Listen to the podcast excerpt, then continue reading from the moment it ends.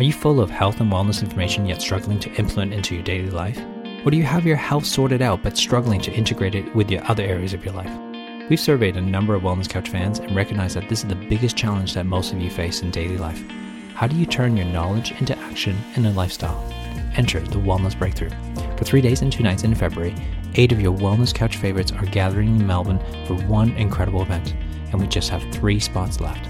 Entry to the Wellness Breakthrough is by application only. To apply, simply go to thewellnessbreakthrough.com. And apologies in advance if you apply and we're all sold out. TheWellnessCouch.com, streaming wellness into your lives. Welcome to Nourishing the Mother, featuring your hosts Bridget Wood and Julie Tenner. Hello and welcome to Nourishing the Mother. I'm Bridget Wood. And I'm Julie Tenner. And today's podcast is sponsored by Australian Bushflower Essences.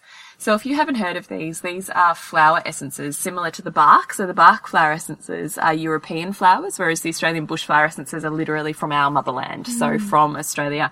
And when we say a flower essence, it's, a, it's really particular. It's a very, very, um, I'm going to say hippie kind of concept. So an essence, like a crystal essence or a homeopathic or a bushflower essence, is a vibrational medicine. So it's the vibration of that thing in a liquid format that when we take it within our, our energy in our bodies, it shifts an energy within us. So it meets a vibration and it kind of flicks that around. And that's really how essential oils work too. Yeah, right. Yeah.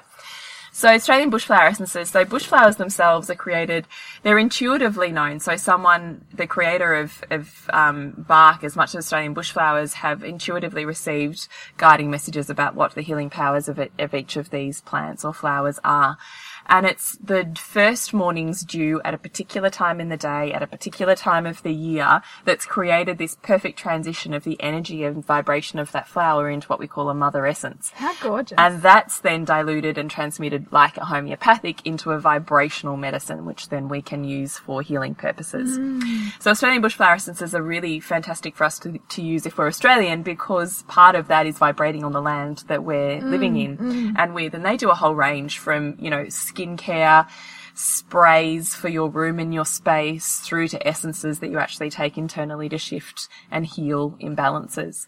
So they were another collaborator with us at our retreat and they gifted each woman some skincare to take home and we used some of their love system, um, cards. So they have intuitive cards like a gu- guiding deck, but they're for each of their flower essences. So we used those during our retreat mm. as well, which was really beautiful.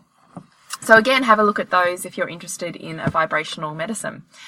But on to today's podcast, Bridget, you're going to kick it off for us. So we're talking today about dealing with conflict because we can't get rid of conflict. Hey, like it's part of uh, it's part of life. coming up, doesn't it? Yeah, I mean, I think it really depends. I mean, I'm not feeling like I'm getting a lot at the moment, but maybe I'm just I don't know why. But which is funny because I am, and I would say I previously have not. Like, yeah, have not. So we're gonna get heavy and deep in this one. We invite conflict. We invite it unconsciously. Know, what is that? And we do it because there's something for us to learn about ourselves. Nothing more, nothing less. We, we'll also, that's not true actually, there is a lot more and a lot less, but we will be attracting conflict for various reasons. So conflict might come as a result of um, expecting other people to value what you value, so expecting them to live outside what's true for them. So you're then imposing what you think somebody should do on them, and they're retaliating naturally to that imposition of order um, or kind of value. Um, or you're expecting yourself to live outside what's true for you. And so you'll create conflict within yourself or conflict with other people who are trying to help you to get back into your own authenticity. Mm. So if you're kind of suddenly turned your life upside down and you're valuing something totally different and your family are challenging you on that, then that's where another source of conflict. So conflict is a feedback to help you get back into congruency with what's true for you or what's, or, you know, or, or to help you own part of yourself that you're not owning. So you'll invite the conflict to get you to love that part.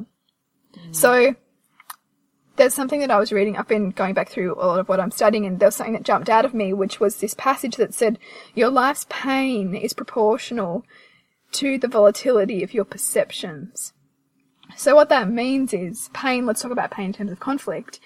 If you're perceptions are volatile, which means you've got massive highs, massive lows, highly, highly disparate emotional feelings happening all the time.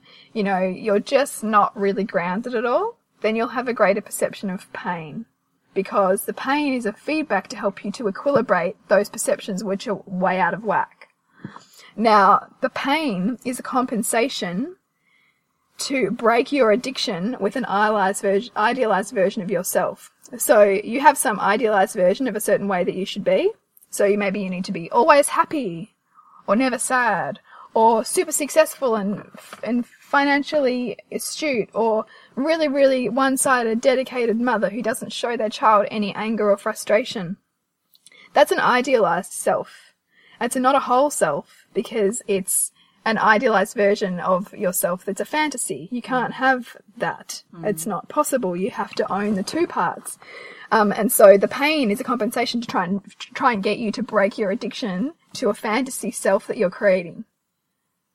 Does that make sense? No, I really get it. I'm just really enjoying where you're going with it. Yeah, you're really just sitting with that. So I'm just gonna say we did just have to stop because Yeah, yeah. Bridget's giving me a "Shh, yeah, you're just sitting with it. Like, oh yeah, I can do because I had this piece of paper that I had notes written on, and all I can think about the whole time you're talking is Yeah, yeah, where's my piece of paper? so I have the piece of paper now. We're all good. We can move forwards. All right, Bridget. I do really get what you're saying. I do. Yeah. I just want to bring that back to conflict though. So have you got notes?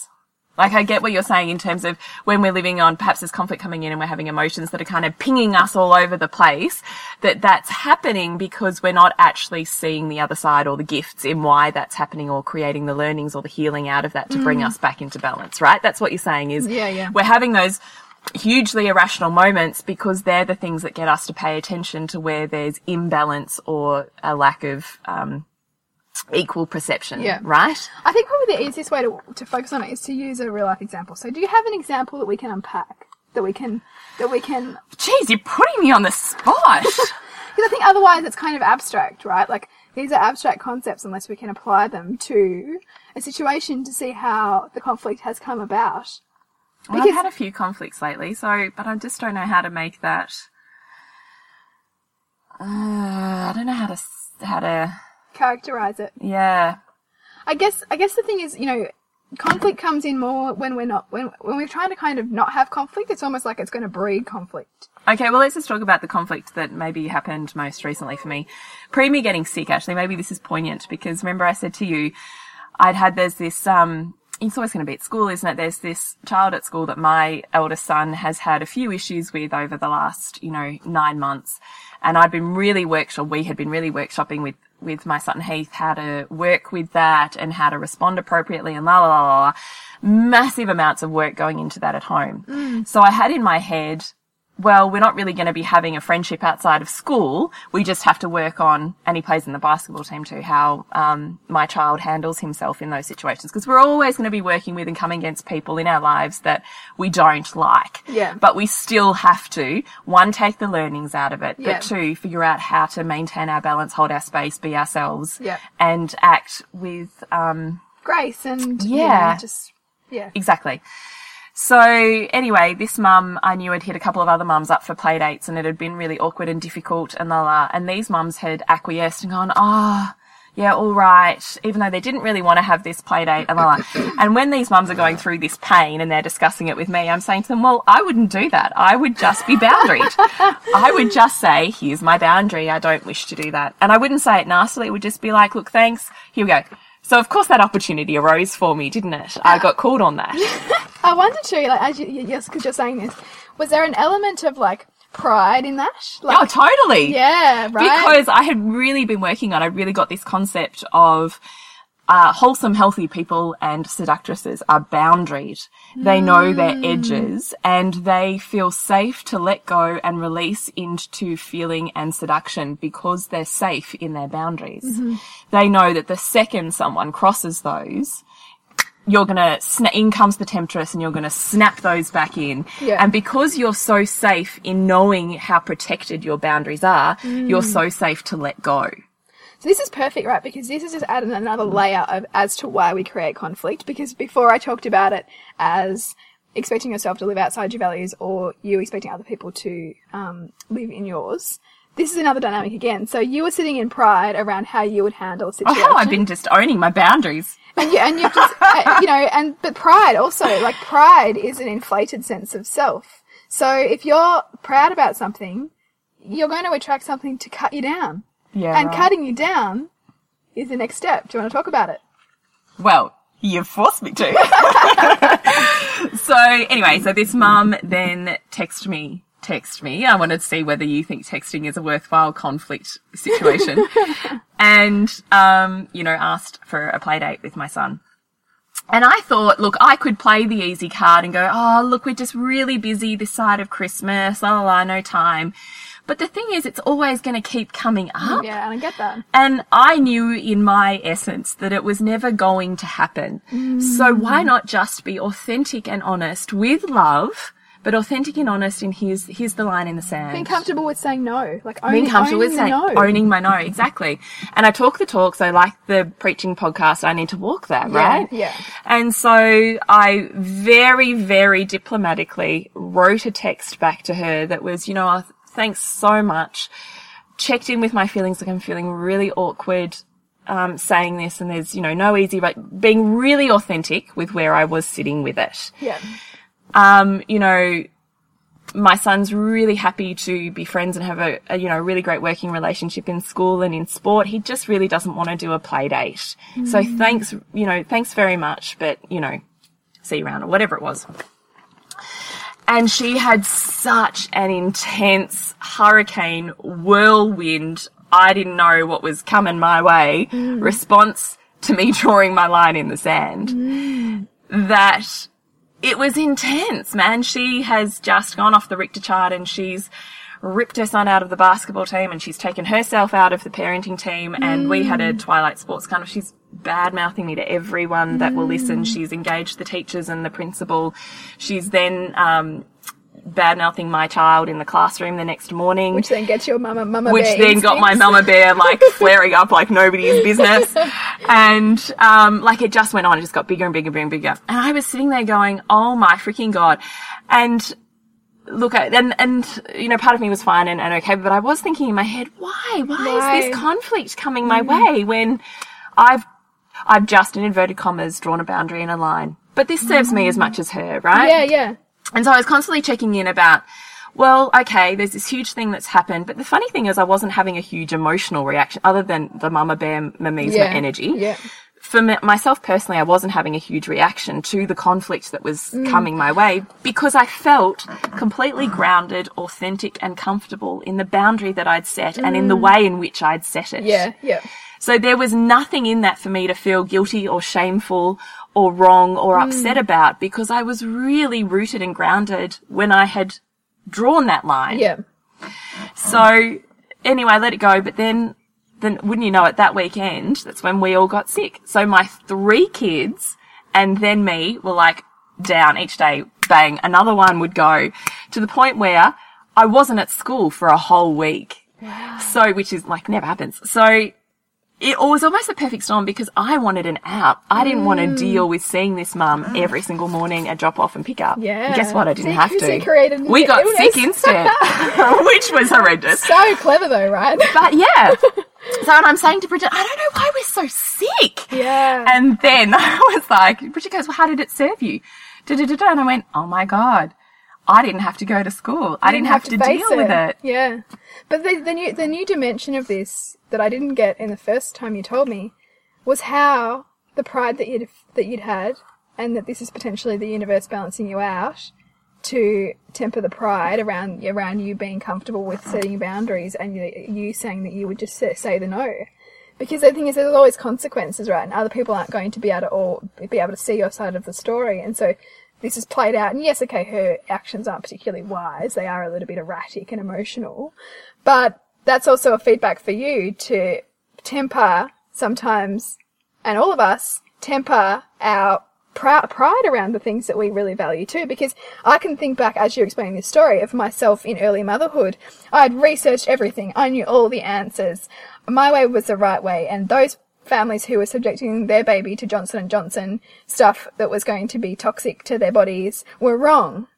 And I created so much inner conflict in myself with those with those kinds of attitudes and conflict in terms of being able to build meaningful vulnerable relationships with those women that really made me put up a wall. Mm. And that was a my own intuition trying to wake me up to my imbalance. And I don't I didn't see it then, it's only with hindsight that I can see it now. But that everything's a feedback. And this playing out for you was just a feedback for you. It wasn't right or wrong. Hmm. And it served because it also served you for helping you to wake up to your own perceptions. It served the people around other mothers to have to be more empowered to say no.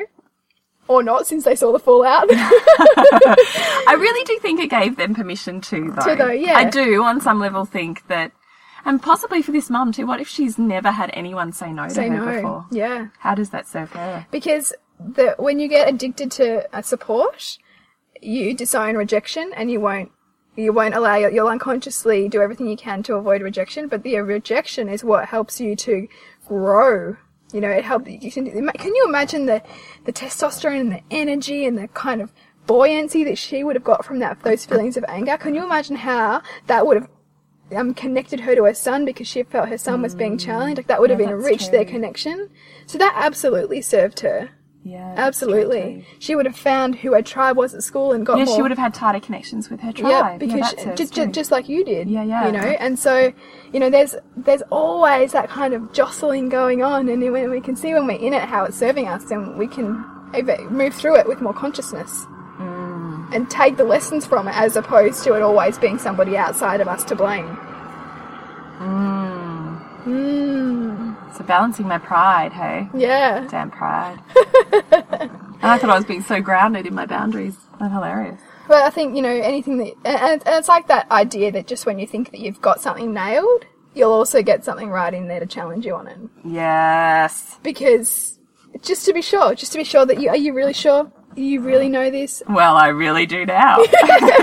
How great though, because it it's got you to be clear on on that is important for you, and also how that you know served your kids. You know, they for them to see that you stood your ground and that you stood for what was important to you, and that you were willing to to deal with the fallout. Hmm. You know, not just people please to keep the peace, hmm. because you people please to keep the peace, and you and you have this you know illusion of external peace around you, and you create inner turmoil because you're There's the balance, isn't it? The inner conflict because you're trying to, to create have the outer peace on the outside. Yeah, That's profound, mm, isn't it? yeah. I just wanted to jump back on also this. Did you have something else you wanted to add No, before I you- jumped on? no, you jump on. So this mimeisma temptress kind of energy, because I've been working a lot with that, and if you've seen the posts on Facebook or on Instagram, you'll see that I've been working a bit on that lately. Was because I that's still the one part of me that feels very um, I don't know Neanderthal-ish. Yeah. That you know you could just about do anything with me, and I would find a way with empathy or with my skilled kit to really kind of roll with it Yeah. but you do it to my kids. and I am like, lose my brain, Yeah. total conniption, Yeah. angry, fiery woman comes out. and it's not pretty. So just like what this woman did, right? Yeah, that's true, actually. So what was she reflecting to you about you? Oh, that's really true, Bridget. Good. I didn't say that before. I'm totally going to sit with that. Yeah. totally. And so I had really been judging this side of myself because I've had a few incidences in the last probably month where that's happened and I've just had this spurt of it and yes, it served in the end because I've gotten what I want or set the boundary or, you know, whatever. But then in the process, there's these huge feelings afterwards I feel quite shameful about the way that I behaved or how I went about it. Mm. And I really wanted to flip that. So I wanted to look at that in terms of the only way to really give in to the feminine is to let her have her way with you. And the only mm. way to be safe enough to do that is to know that you are protected and safe to do that. Yes. So we've talked before about how do you make your sexy safe. Well, this is it, right? Hmm. You can't just be sexy safe in the light. I'm okay to wear whatever I want and put on makeup. You have to be sexy in the dark too. That's hmm, safe. Hmm. So the temptress, the seductress is as much the depth of her emotion as she is the height of pleasure. Yeah. And you can't have the height and the ecstasy of pleasure unless you're willing to feel the ferocity and the depth of the life, death, life cycle, right? Yeah. So how do I love the her ferocity as opposed to wanting to cut it off. Because as soon as I want to cut it off, I'm disowning it. And it's going to, one, come up more, which is right what's been happening. yeah. And two, it's going to also cut off its polar opposite at the other end in the yeah, light. yeah, So how does it serve me, this mimeisma, this, this mother bear ferocity of nature? And how do I love her more? What does she bring to my life? So I, if you saw, I created a, an altar. So I did an altar to my dark temptress and I looked at, so the, the temptress is the opposite of the, the seductress. So she's the one who is going to get you in a really ferocious, kind of dark way. She is, I suppose, the seductress is all about what is seducing you and it all comes from a light and a feeling.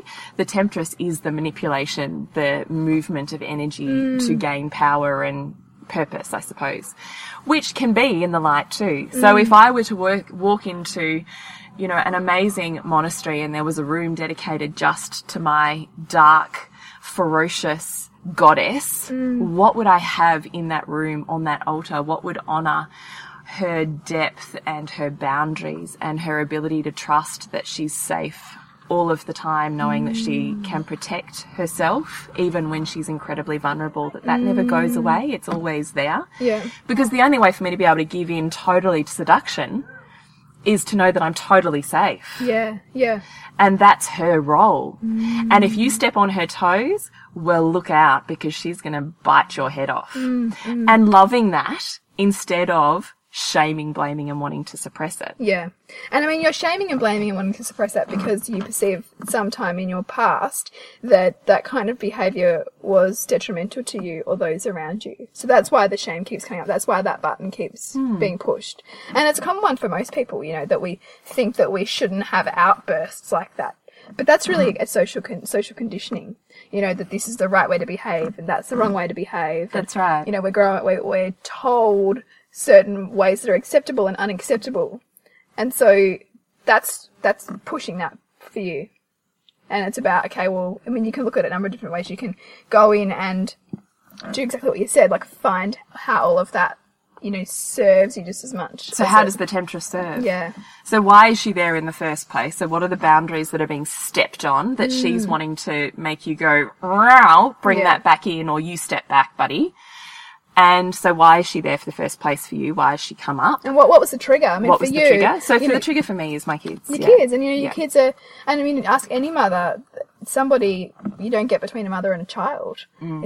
It's it's like a bio, biological evolutionary switch gets flicked. Mm-hmm. You know, for that for the protection for the protector. You know, to to to behave the way that you do.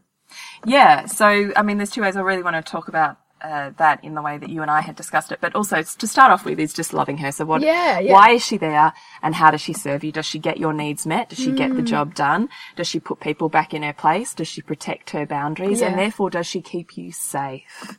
Because that's her role. Mm. And if she's coming up, sure, there might be other ways for you to handle that. But first off, you've got to start from the point of loving that she's there because she comes up to protect you. So then the next part for me is once I've done that, then I have a journal and I almost, it's like a investigation journal where I observe when she's come up and I just write those incidences ah, down Yep. and I observe how I behaved. Yeah. So not with judgment, not with blame, not with shame, just observing. It's almost like a trial and error process of, well, I'll try and go a little bit this way to the left and see what happens. And I'll try and go a little bit this way to the right and I'm just going to see what happens. It's almost like a trial and error to see where she, what her boundaries are, where she fits in and where, mm. where she's in her greatest power. yes. And sometimes I'm going to nail that and sometimes I'm really not. Mm. But it is always coming back to how does that serve me? What is my altar? So as opposed to sitting in shame, how can I love what it is that she brings mm. and love the wildish nature within myself? So even when I lose myself or what I consider losing my rational brain and she completely has her way with me and I'm, you know, a firing, blazing woman, well, also, how does that serve my seductress and how do I love that? Mm. Because part of me kind of does. I kind of love, you know, that kind of classic, I don't know, Spanish or, you know, Italian Like woman fi- who fiery. just fires up. But you know, it's equally as passionate in her sexiness because she has this ability to Yeah. reach her highs and her lows and has total access to that. Mm. And that's what I love about her too. So how do I come to a place of loving her rather than wanting to shame her and disown her because it's mm. never going to work well, is Yeah, it? that's right. Yeah, and it's just going to cause conflict in It you. is. Now, coming back to the mother bear energy too, I think it's totally appropriate to be there. But I also like what you said to me, Bridget, which was one of the reasons she, that mama bear is coming up is because I'm perceiving in that moment that what is happening or being done to my child is wrong and Yes. will impact them negatively. But what if it doesn't? What if whatever that challenge is for the, for my child totally serves them? Hmm. Do they have to step up? Do they have to get a new toolkit? Do they actually create a void out of that that then makes them scramble and do the opposite in Yeah. their adult life? So we're actually is the support in the challenge? And therefore, do I need to ferociously rush in to save them versus allowing them to experience the challenge and grow the way that they're meant to? Well, let's get like analytical here. So, rushing in to save them is actually rushing in to save yourself, because you're because something that's happening to them in your, in your perception is is something that happened to you at their age. Right. So because the two of us, my child and I, could experience the same situation and have completely different learnings out of it based on our previous wounds. Yes. Yeah. Yes. So whatever's happening to your child, like it's happening with me at the moment with my son in swimming. So he's reflecting back to me where I was at at that age that he's at. And he's trying to heal my emotions that I have not yet equilibrated from that age. So the same thing is happening to you as a mother when your mama bear instincts come in, when you find yourself uncomfortable with choices your children are making. They are pushing your own buttons to bring awareness to your own unhealed past or un- unbalanced past. And so, tr- like, you know, true love and, and love without baggage would actually be to have the presence of mind to see how a challenging situation would serve your child and sitting back and allowing that to, tra- to, to happen. Because the thing is, our children don't benefit from us saving their desperation. Because saving their desperation limits their capacity to grow and trust themselves. Because it's, it's like us, you know, we, we get addicted to the, the person who can, you know, who we perceive can take away our pain, you know, and we, um, become infantile in that. And it keeps our children infantile if we remove the pain and the challenge for them what's wiser is to get them to step up to those challenges, give them the tools to help overcome them themselves, mm. or see the benefits in the stuff that was hard for them. Mm. And then that builds resilience. To expand their toolkit. Yeah. To give them sentences, tools, empathetic um, breakdowns of that situation. Yeah. As opposed, I mean, we're not just saying you just let them be and No. you know fend for themselves. You've they've got to have toolkits to be able to do that, Absolutely. and stepping in at the appropriate time, as opposed to something's happened and it's like bang bang, I'm right there. Yeah. And Just give it a second, Mm. check in about my own feelings and where this wound is for me, and just see what happens. If they're struggling, of course, go in and help them. and, and this, But what if they don't? Yeah. But you don't give them the opportunity to, to even try. because you go and save them. yeah. And I think so, I mean, so many of us parent on autopilot and don't realize that we are, that our children are giving us an opportunity every day to parent ourselves again. And we can either parent ourselves unconsciously and continue to repattern whatever was painful for us through our children, or we can go, oh, okay, that's, that's triggering something in me. You know, what is that and how can I help my child choose their way through this as opposed to me go in and project my stuff and, you know, kind of take away that learning experience for mm. them. You know? I do, totally. It completely makes sense to me. Mm. But I hadn't connected the dots with my mimeisma energy mm. because part of that ferociousness of the protecting my kids has, has I don't know, part of, it's my core, one of my, core- it's part of my core value Yeah, in a way, yeah, isn't it? yeah. So it wasn't until you had said that to me that I had that moment where I went, oh shit. Of course, we're defined so often our greatest successes come from our greatest challenges. Mm. But if I'm constantly not allowing my child the opportunity to deal with challenges, they're never going to have them. Yeah, yeah, So what sort of an adult does that create? yeah.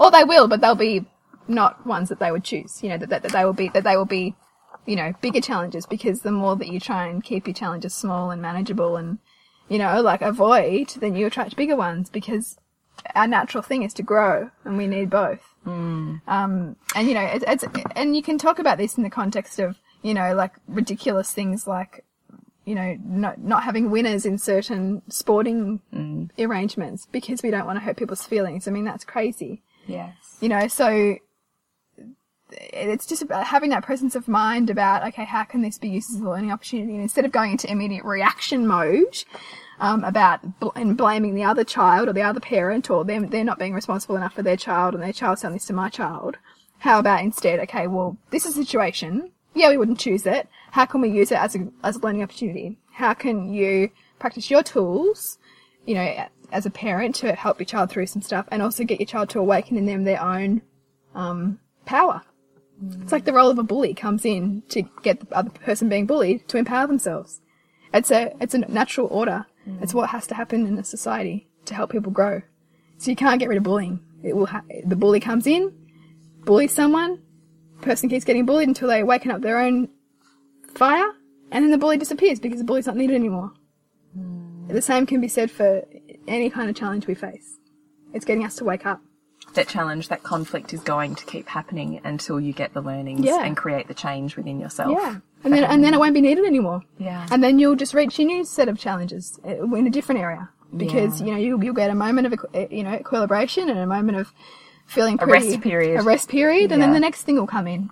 And the volatility of that is proportionate to how much you can balance your perceptions on things, how much you can equilibrate your own passions and, you know, like, So the bigger the conflict, the bigger the drama, yeah. the bigger you're polarized one way, the bigger your viewpoint Yes. is only one sided. Yes. Yeah, it almost matches it. Yeah. Yeah. I have to love my mama bear a bit more then, don't I?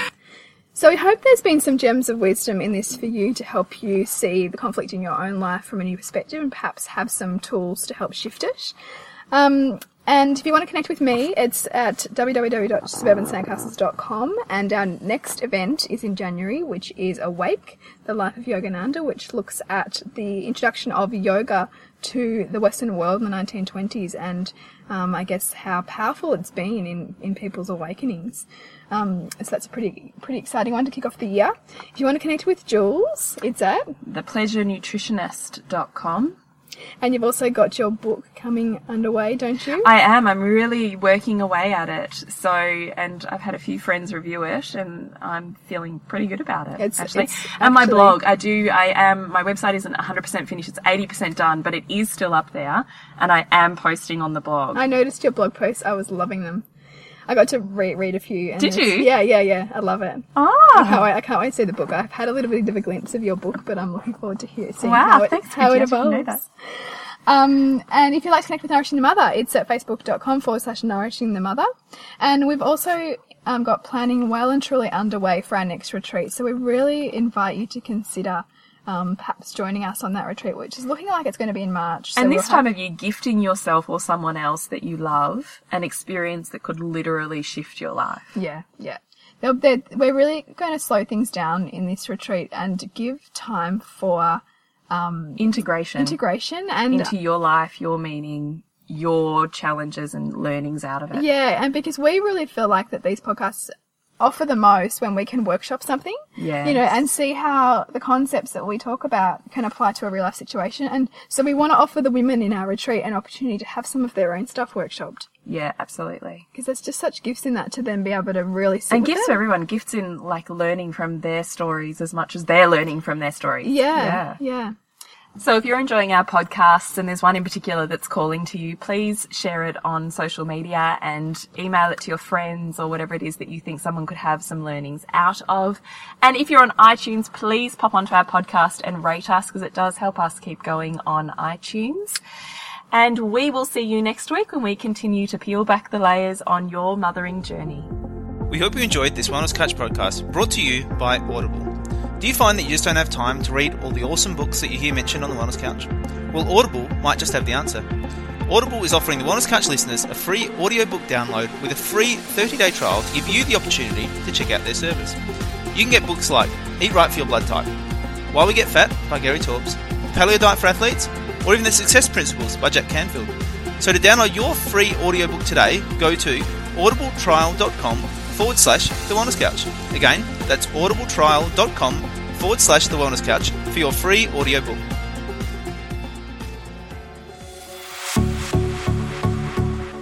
This has been a production of TheWellnessCouch.com. Check us out on Facebook and join in the conversation on Facebook.com forward slash The Wellness Couch.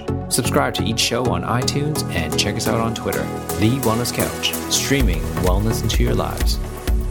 Whilst the Wellness Couch presenter endeavor to provide accurate and helpful information to their listeners, these podcasts cannot take into account individual circumstances and are not intended to be a substitute for health and medical advice from a qualified health professional. You should always seek the advice of a qualified health professional before acting on any of the information provided by any of the Wellness Couch podcasts.